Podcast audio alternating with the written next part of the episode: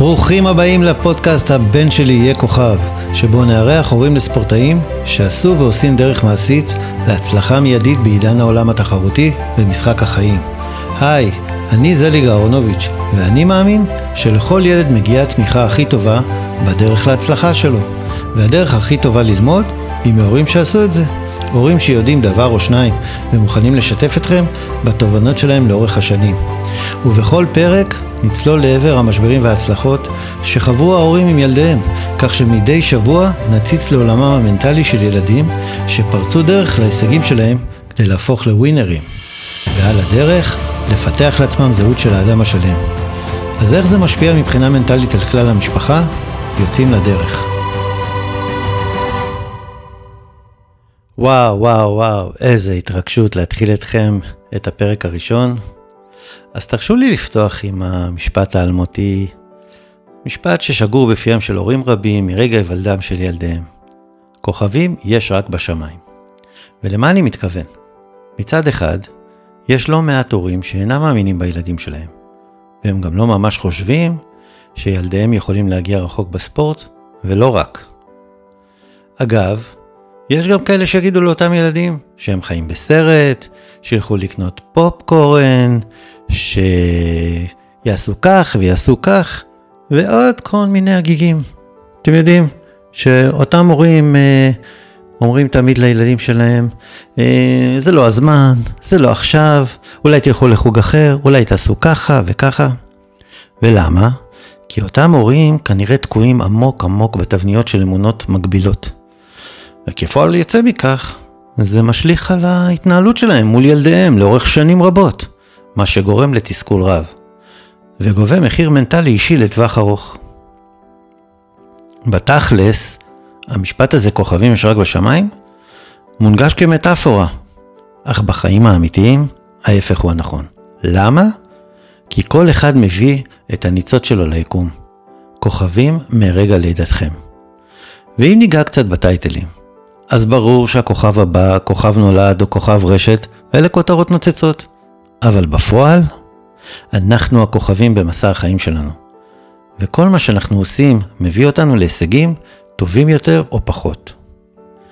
והשאלה שנשאלת היא, האם אנחנו מצליחים להוריד את העיניים מלוח התוצאות, כדי לא לפתח בהם תלות בדרך להיותנו כוכבים?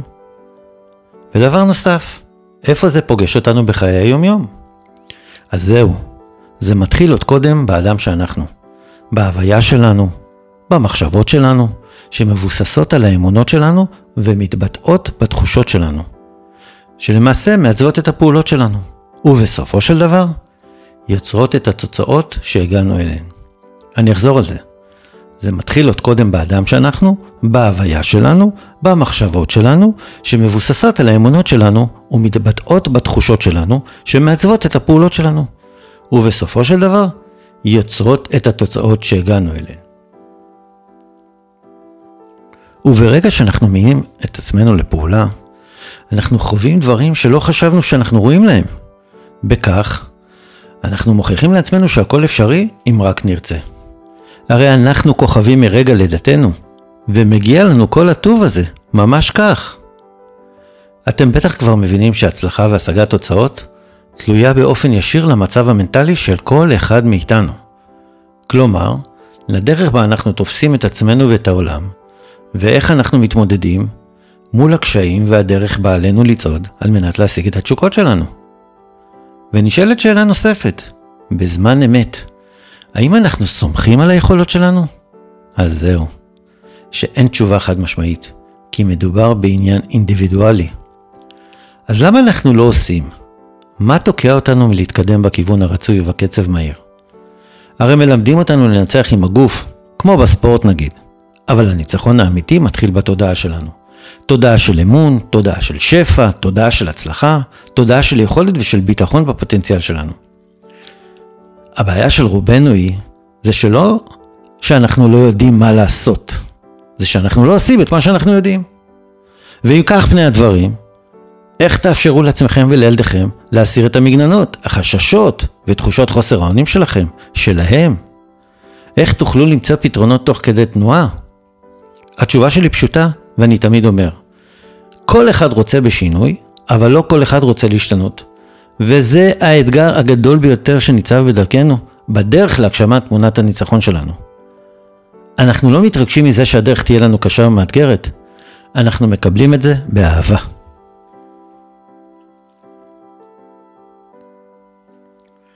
וכשאנחנו צוללים פנימה אל הקשר המיוחד בין הורים לילדים בעולם תחרותי, אתם בטח מכירים את ההורים האלה שמלווים את ילדיהם לאורך כל הדרך, והם מוכנים להעניק להם הכל, הכל. יכול להיות שאפילו חלקכם נמנים על אותם הורים. אותם הורים שמוודאים שלא יחסירו מילדיהם כלום, בכדי שיממשו את הפוטנציאל שטמון בהם במלואו. ומעל הכל, שילדיהם יחזרו תמיד הביתה עם חיוך על הפנים. אז uh, אתם בטח חושבים עכשיו על עצמכם ואומרים, וואלה, זה אנחנו. אתה מדבר עלינו. אנחנו ההורים האלה שרוצים בטובת ילדינו. אממה, לא בטוח שמה שאנחנו עושים זה באמת מה שטוב לילדינו. ועם הזמן, אנחנו מבינים כי למרות שקשה לנו להפנים את זה בזמן אמת, הנזק שאנחנו גורמים לילדינו הוא רב מהתועלת. ולמה אני מתכוון? לאורך השנים נתקלתי בלא מעט הורים שהתייחסו לכדורגל מנקודת מבט שונה. היו כאלה שלא הפסיקו לדחוף, היו כאלה שלא עניין אותם כלום, העיקר שהילד יהיה במסגרת, ולא יהיה ברחוב. והיו כאלה שהתנהלו בתודעה של הכל או כלום. כלומר, כשהילד שיחק והיה טוב, הם היו בעננים. וכשהילד לא קיבל מספיק דקות משחק, הם היו עם הפנים באדמה. עם יד על הלב, בתקופות מסוימות, גם אני התנהלתי בתודעה הזו. והאמת, שהיה לי קשה לנתק את הרגש ממה שקרה בפועל. ממש כמו להורים אחרים. אני לא הייתי יוצא דופן. הרי מה בסך הכל רצינו? מה בסך הכל רציתי? שהילד ייהנה ויחזור הביתה עם חיוך על הפנים? וכשזה לא קרה? וואו, השתיקה הרועמת בדרך הביתה הקריסה אותנו מבחינה מנטלית. ולא היה מי שייתן לנו כלים להתמודד עם הסיטואציה. לא היה באותו זמן מאמן מנטלי שיכולתי לפנות אליו כשהילד היה בן 10, או בן 11, או בן 12. נאלצנו להתמודד עם זה לבד. וברבות השנים, אני אוכל לומר בפה מלא, שפגשתי מגוון רחב של הורים שהיו מוכנים לעשות הכל, אבל ממש הכל, כדי לתת לילדים שלהם את התחושה שהם איתם באש ובמים.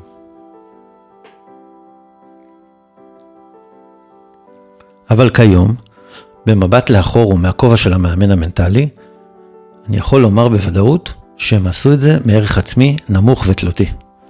משמע, אנחנו שווים כהורים כשהבן שלנו מצליח.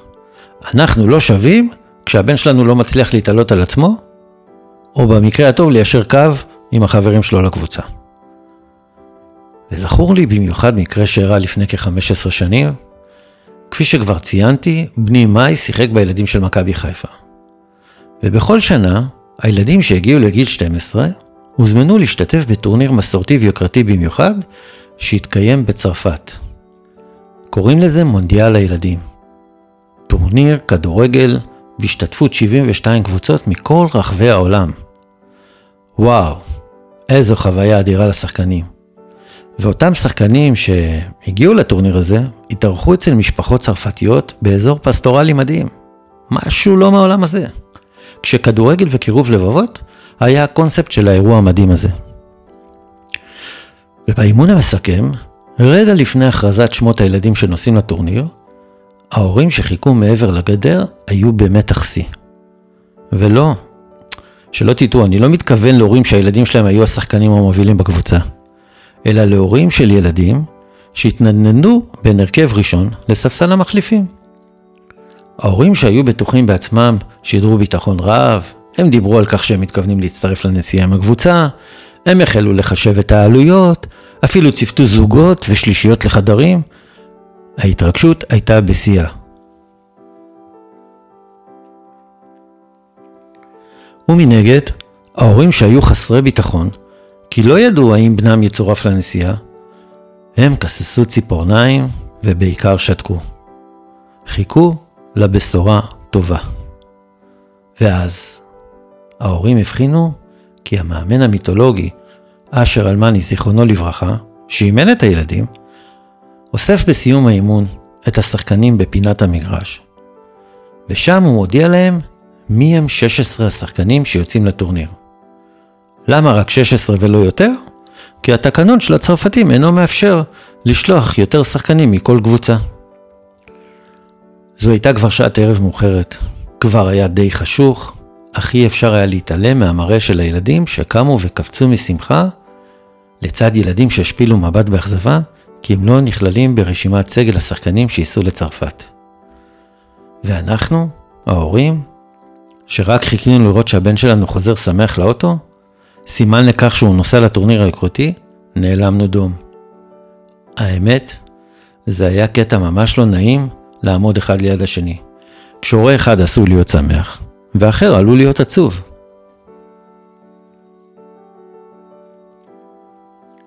וכשהבנתי שבני הוא אחד הנושאים, כל כך שמחתי עבורו שהוא ייקח חלק בחוויה הזו, לשחק בגיל כל כך צעיר על אדמת אירופה, בצרפת.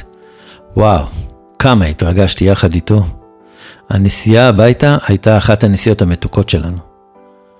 ובעדי שמח ומחליק כיפים עם הורים אחרים, תוך כדי סגירת בן הזוג שלי לחדר במלון שיוזמן על הבוקר, שמתי לב לכך שזוג הורים שישב לצידנו, והבן שלהם לא היה ברשימת הנוסעים, נראים כאילו חרב עליהם עולמם. דמעות זלגו מעיניה של אמו של השחקן. והילד? האמת, קיבל את זה כמו גבר. למרות שהיא ראה כי הוריו מאוכזבים וכואבים. ולפני שהתפזרנו מהאימון, לא יכולתי להתנתק מאותו מבט של אביו של אותו שחקן, שלא הוזמן להצטרף לנסיעה. ליבי יצא אליו, אבל איזה מילים יוכלו לרפא את הכאב, את האכזבה, את התסכול? סיננתי לעצמי ושתקתי. האמת שכל הדרך הביתה חשבתי על ההורים האלה, שכל כך רצו שבנם יחזור הביתה מחייך, אך קיבלו אותו עם דמעות ברגע שהם נכנסו לביתם.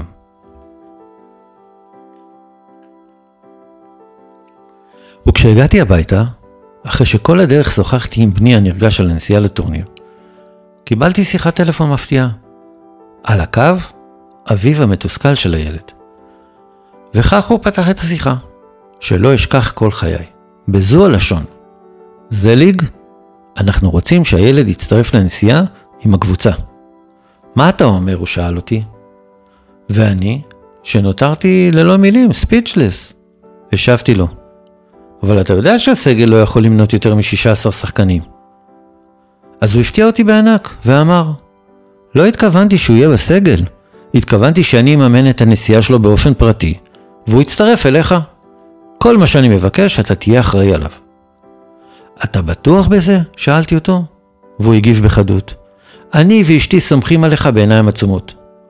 אם אתה מוכן לעשות לנו את הטובה הזו, אז אני אבוא אליך על הבוקר ואתן לך כסף כדי לרכוש כרטיס טיסה וכל ההוצאות הנלוות. העיקר שהילד יהיה איתכם וייהנה ויהיה מבסוט.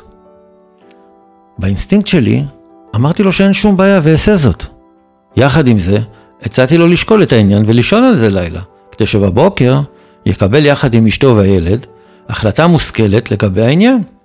סיכמנו שחכה לטלפון ממנו ומשם נתקדם. ובבוקר צלצול הטלפון לא איחר לבוא. אתה שומע? הוא אמר לי בנחישות. החלטנו שהילד ייסע איתך, מתי נוכל להיפגש שאתן לך את הכסף? עם יד על הלב, לא הייתי שלם עם הסיטואציה. לכן הצעתי לו שאבוא אליהם הביתה, כדי לשוחח על העניין. רגע לפני שתתקבל ההחלטה הסופית, הגעתי לבית המשפחה שמתגוררת באזור הכרמל, מה אגיד לכם?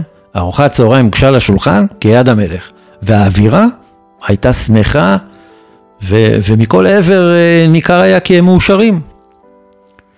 אחרי שהקפה נמזג לכוסות, כמיטב המסורת של המשפחה, התפוננו לשוחח על העניין, כאשר הפעם אני זה שהובלתי את השיחה. בניגוד לשיחה עם ההורים, החלטתי לפנות אל השחקן עצמו, ושאלתי אותו, האם זה באמת מה שאתה רוצה לעשות?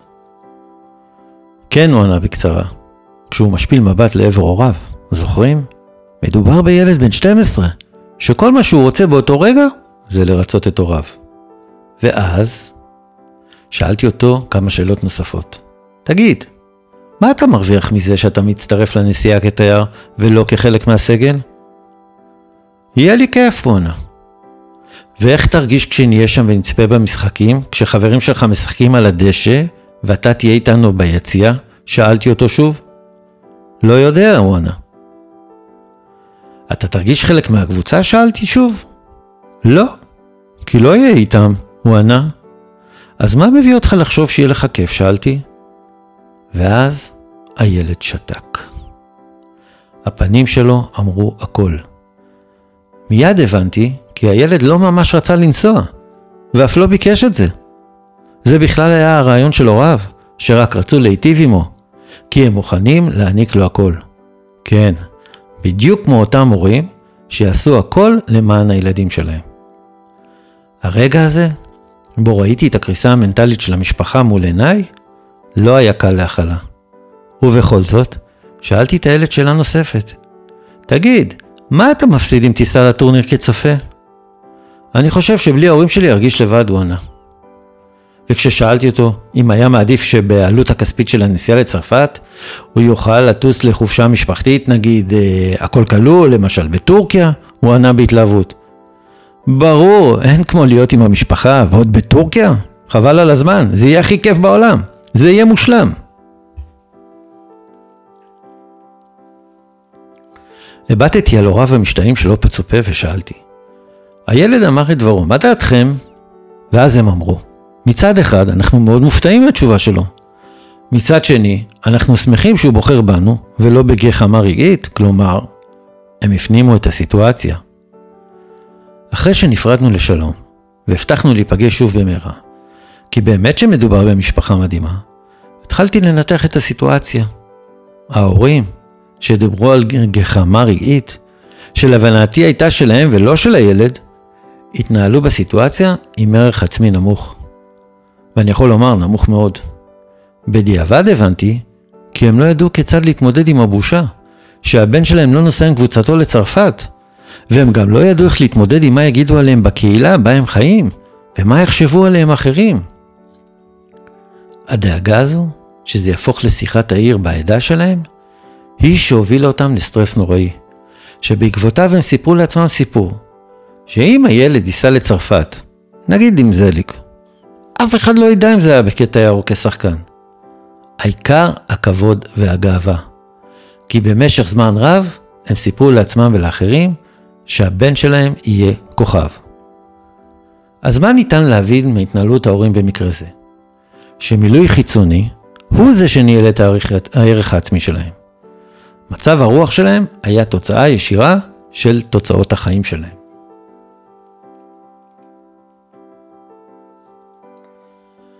משמע, מנצח שווה מלך, מפסיד שווה אפס. או במילים אחרות, במילים אחרות, נגיד באנגלית, הירו או זירו. הם היו זקוקים לאישור חיצוני מהסביבה כדי להרגיש מילוי. כמו שנאמר, אני לא מי שאני חושב שאני, ואני גם לא מי שאתה חושב שאני. אני מי שאני חושב שאתה חושב שאני. ואחזור על זה שוב, אני לא מי שאני חושב שאני, ואני גם לא מי שאתה חושב שאני, אני מי שאני חושב שאתה חושב שאני. בתכלס, מי אני כשלוקחים לי את התפקיד? אז מי הם אותם הורים כשמפשיטים אותם מהזהות והטייטלים שבנו לעצמם? הורים לכדורגלן מצליח. איזה אדם נשאר שם אחרי שהתוצאה שרצו לא הושגה? והשאלה שאנחנו רוצים לשאול את עצמנו היא לא איך אנחנו מגיעים להצלחות, אלא מי אנחנו בלעדיהן. השאלה האמיתית היא איך בונים זהות של ווינר ללא תלות בתוצאות. הרי לרבים מאיתנו יש נטייה לתת לתפקיד שלנו להיות 100% ממי שאנחנו, ובלעדיו אנחנו כלום.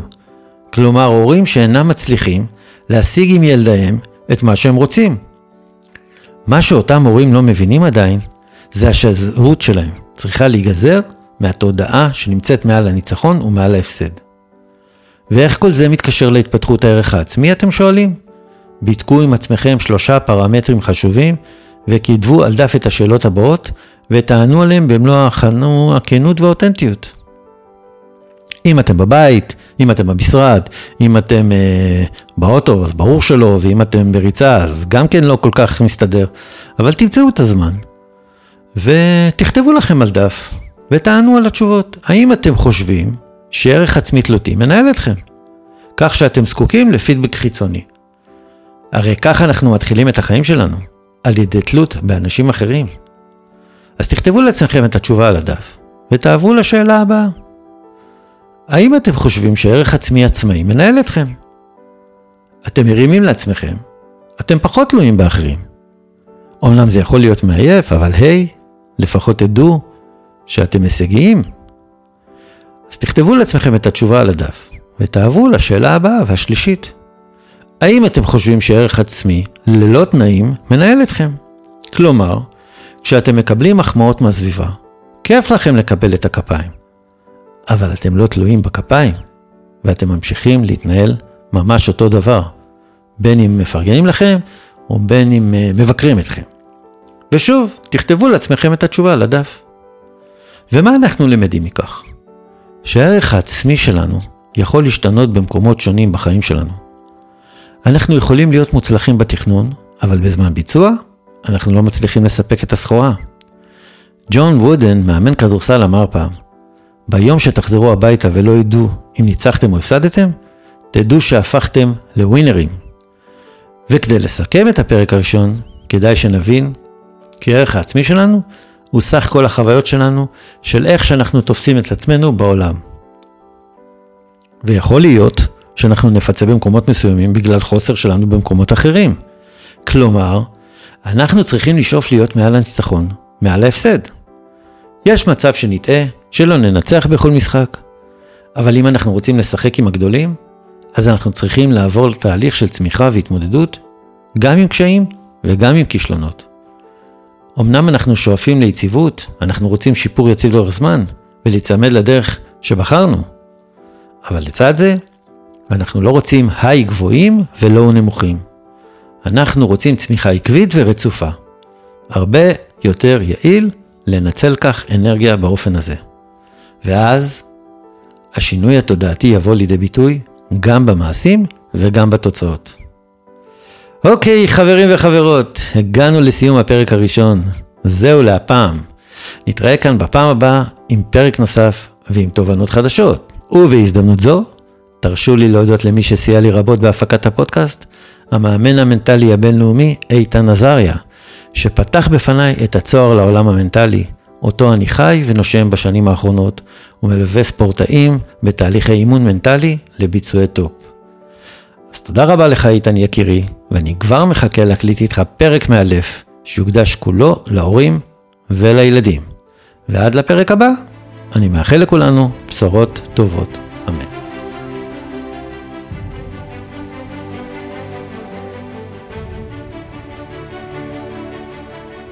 לכל ילד מגיעה התמיכה הכי טובה, בדרך להצלחה שלו. והדרך הכי טובה ללמוד היא מהורים שעשו את זה. אתם יודעים, הורים שיודעים דבר או שניים ומוכנים לשתף אתכם בתובנות שלהם לאורך השנים. ועל זה בדיוק עסקינן בפודקאסט "הבן שלי יהיה כוכב", שבו אני מארח אנשי מקצוע והורים וספורטאים שעשו ועושים דרך מעשית להצלחה מיידית בעידן העולם התחרותי במשחק החיים. ובכל פרק נצלול לעבר המשברים וההצלחות שחוו ההורים עם ילדיהם, כך שמדי שבוע נציץ לעולמם המנטלי של ילדים שפרצו דרך להישגים שלהם כדי להפוך לווינרים, ועל הדרך לפתח לעצמם זהות של האדם השלם. ואיך זה משפיע מבחינה מנטלית על כלל המשפחה? נתראה בפרק הבא.